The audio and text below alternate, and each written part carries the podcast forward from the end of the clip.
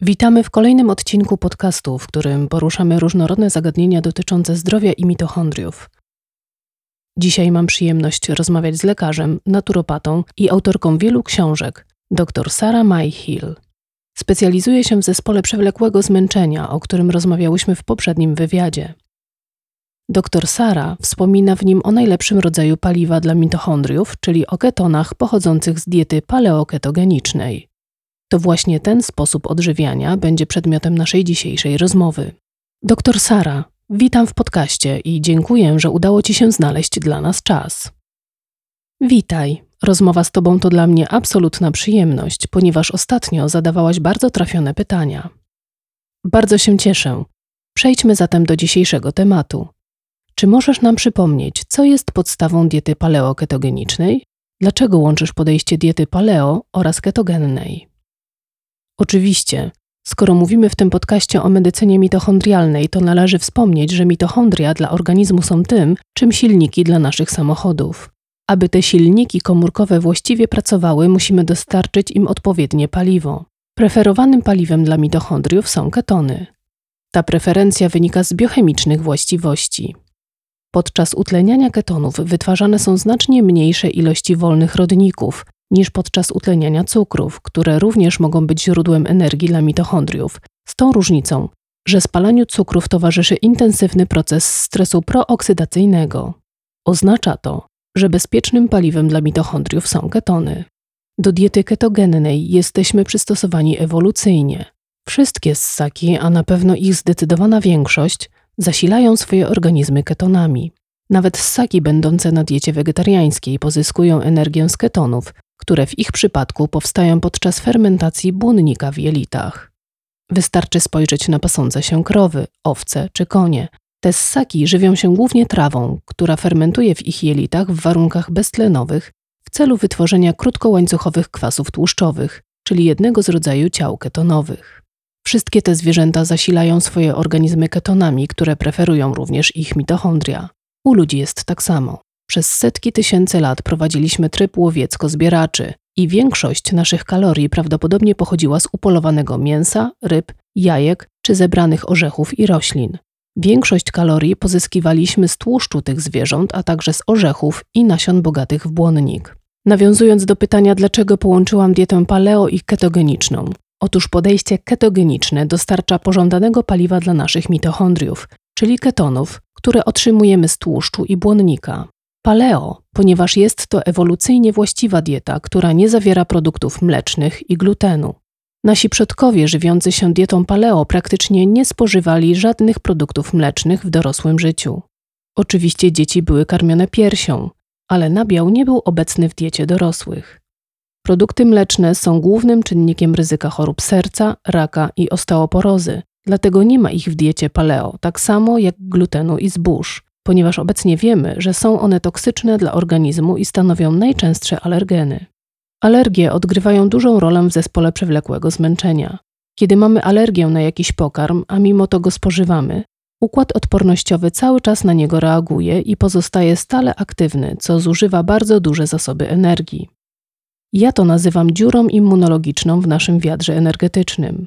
Tak więc dieta paleoketogenna jest punktem wyjścia w leczeniu zespołu chronicznego zmęczenia i encefalopatii mialgicznej, cukrzycy, chorób serca, raka, demencji i wiele innych. Ta dieta jest również najskuteczniejszym sposobem, w jaki możemy uzyskać energię z naszej diety, przy minimalnej produkcji wolnych rodników, które są tak szkodliwe dla organizmu. Czy to ma dla Ciebie sens? Tak, całkowicie. Więc zalecasz tę dietę w praktycznie każdej chorobie? Jakie są korzyści z przestrzegania diety paleoketogenicznej? Jakie efekty możemy dzięki niej osiągnąć? Uważam, że dieta paleoketogeniczna jest bardzo pomocna, ponieważ dzięki niej pobieramy energię w najbardziej efektywny sposób. W ciągu każdego dnia mamy pewien zasób energii do wykorzystania, który określam jako nasze wiadro energetyczne. Korzystamy z niego wykonując różne zadania, a znaczącą część tej energii musimy przeznaczyć na metabolizm, czyli podstawowe funkcje m.in. mózgu, serca, wątroby czy jelit. Podstawowy metabolizm zużywa około 2 trzecich całej energii wytwarzanej przez organizm. Jeśli sprawimy, aby ten proces był jak najbardziej wydajny, Nie będziemy marnować energii na utrudnione trawienie pokarmu, zaburzone przetwarzanie makroskładników czy detoksykację niepotrzebnych substancji, dzięki czemu pozostanie nam więcej energii do samoleczenia i naprawy, a także na inne czynności takie jak praca, radzenie sobie z problemami emocjonalnymi czy inne aktywności. Więc z pewnością jest to najskuteczniejszy sposób na pozyskiwanie energii w najmniej szkodliwy sposób, bo nie powoduje wytwarzania nadmiaru wolnych rodników. Jest świetne badanie przeprowadzone przez naukowca z Oksfordu, który przyjrzał się zaletom diety ketogenicznej i wykorzystywania ketonów jako paliwa, w tym kwasu beta-hydroksymasłowego w sporcie. Co było bardzo interesujące, to wpływ diety ketogennej na wyniki sportowców w dyscyplinach długodystansowych kolarzy, pływaków, biegaczy, którzy mogliby zwiększyć swoją wytrzymałość od 7 do 15%. Jedynie dzięki stosowaniu diety paleoketogenicznej, ketogenicznego napoju z kwasem beta-hydroksymasłowym, który jest oczywiście dosyć drogi, ale dla sportowców był on warty swojej ceny. To badanie udowadnia, że ketoza jest niezwykle skutecznym sposobem funkcjonowania dla naszego organizmu. Używając znowu analogii do samochodów, mamy samochody napędzane olejem napędowym, inne benzyną. Aby uruchomić samochód z silnikiem diesla, nie możemy wlać mu do baku benzyny. Po prostu nie będzie on działał. Takie paliwo byłoby bardzo nieefektywne i może uszkodzić silnik, a samochód i tak nie będzie działał prawidłowo.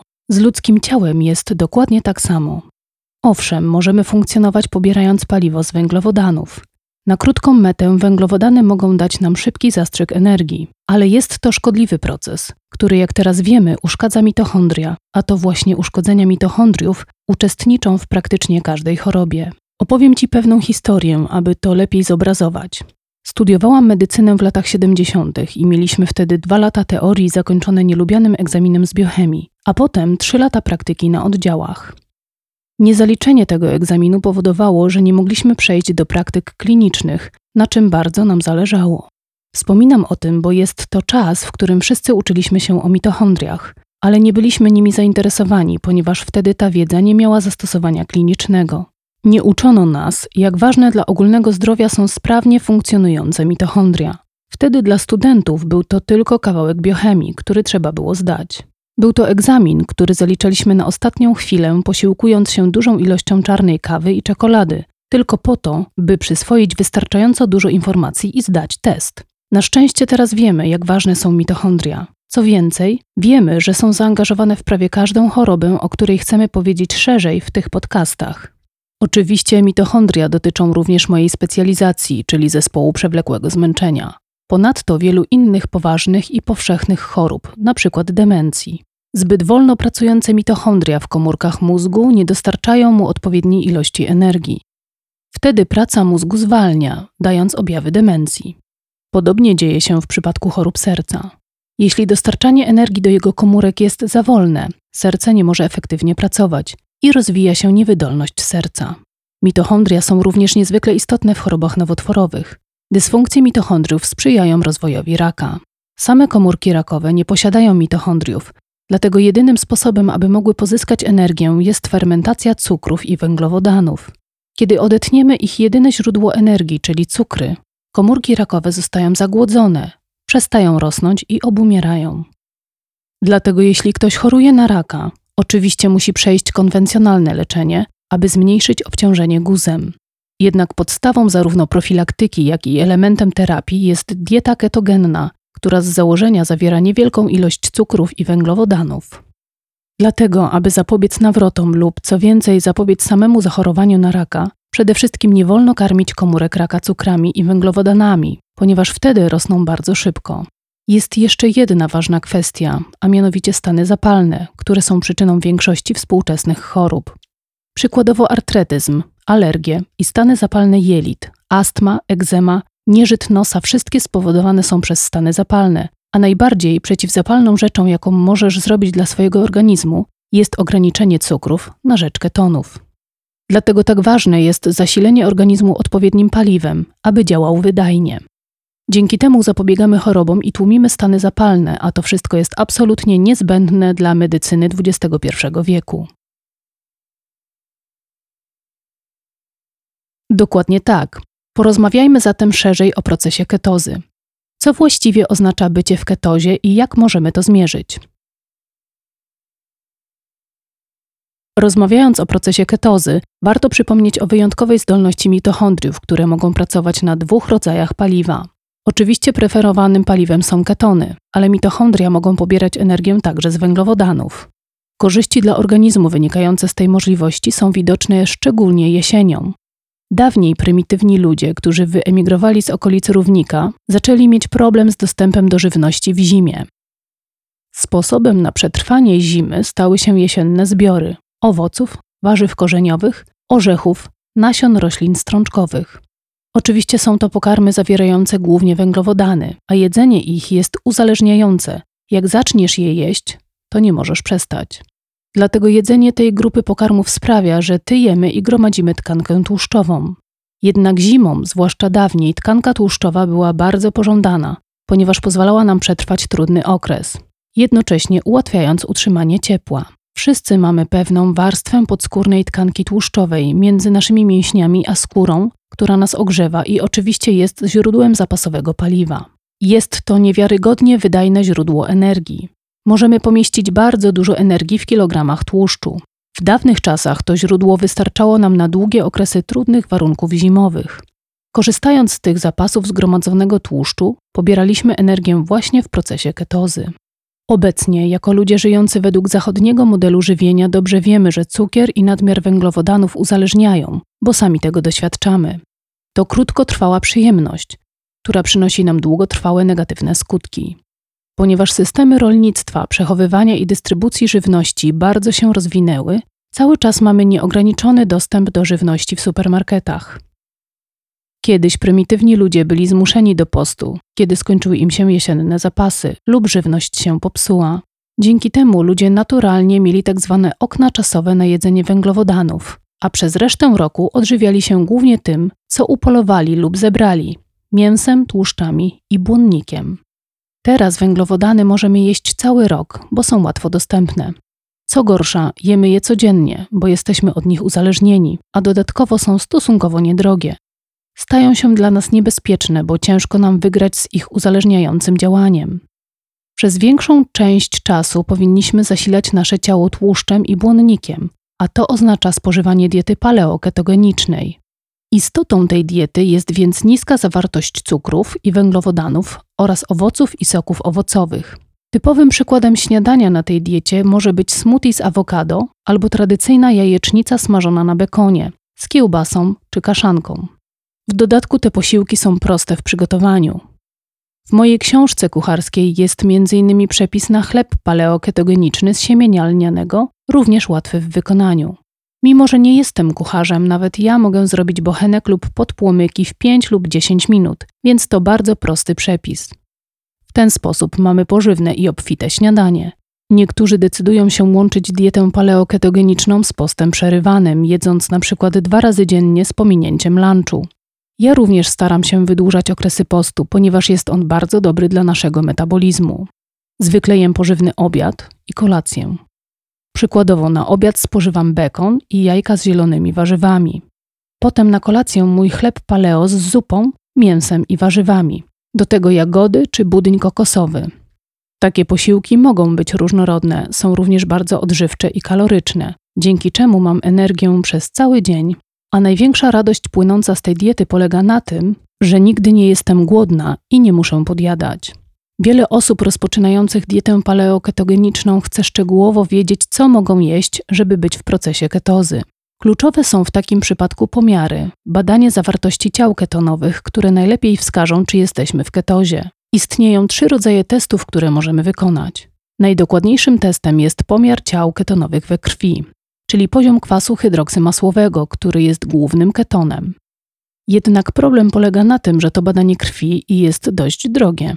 Osobiście nie lubię się kłuć w palce, żeby pobrać krew do tego testu, dlatego go nie wykonuję. Inną możliwością jest zmierzenie acetooktanu w moczu. Ten test jest wyjątkowo prosty i tani, wystarczy nanieść próbkę moczu na specjalny próbnik. Jeśli ketony obecne są w moczu, to jego różowe pole powinno stać się fioletowe.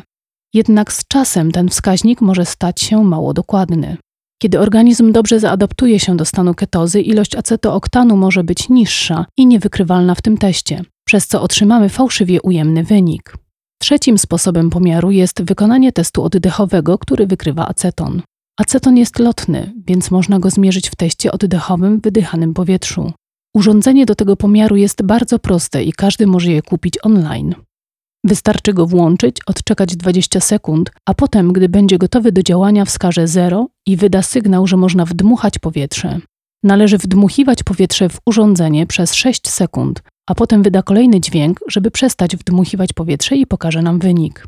Ja produkuję 13,5 jednostek w moim jednym oddechu, co wskazuje, że jestem w ketozie, czyli mój organizm działa na ketonach. Warto dodać, że nie musimy być w ketozie przez cały czas. Nikt z nas nie jest bez wad, czy bezustannie przestrzega diety. Ja również. Kiedy wychodzę z przyjaciółmi, chcę wypić kieliszek wina, czy zjeść nie do końca właściwe jedzenie, i to jest w porządku. Również cukry i węglowodany są w porządku, a nawet są niezbędne dla naszego metabolizmu. Cukier jest surowcem, z którego tworzymy DNA i RNA oraz cząsteczkę energii ATP. Cukier jest również niezbędny do detoksykacji, a proces ten nazywa się glukuronidacją. Nie możemy powiedzieć, że węglowodany i cukry są nam zbędne, absolutnie ich potrzebujemy, ale nie w takiej ilości, w jakiej spożywamy je stosując zachodnie diety. Problem leży w ich ilości. W diecie paleoketogenicznej chodzi o zmniejszenie ilości spożywanych węglowodanów do takiego stopnia, że w wydmuchiwanym powietrzu pojawią się ketony.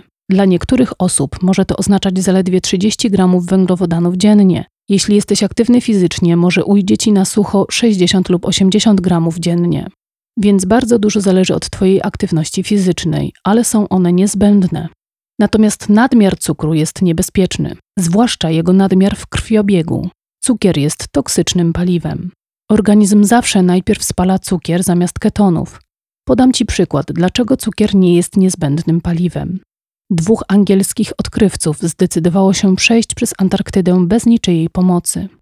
To było około 800 mil wędrówki, podczas której wszystkie swoje zapasy wieźli saniami. Jeden z nich był lekarzem, który co kilka dni robił badania krwi, aby zmierzyć różne parametry. Jednym z testów, które wykonywał, był poziom cukru we krwi. Zauważył, że jego ciało korzysta z tłuszczy, ponieważ tłuszcz dostarcza dużo energii. A oni mieli spore, duże zapasy masła kakaowego i oleju kokosowego, które mogli spożyć. Normalnie poziom cukru we krwi będzie wynosił od 4 do 6 mmol na litr lub zbliżone wartości. Ich poziom cukru we krwi spadł poniżej pół milimola na litr, a mimo tego ci podróżnicy byli w stanie wykonywać niesamowite, niemal atletyczne osiągnięcia, ponieważ cały czas szli w trudnych warunkach. Bardzo zimne środowisko, ciężka praca, długie godziny, duże obciążenia to tylko przykład, jak bardzo można obniżyć poziom cukru we krwi i dalej wydajnie funkcjonować na ketonach. To jest wyjątkowa zdolność naszego organizmu i zaleta tej diety.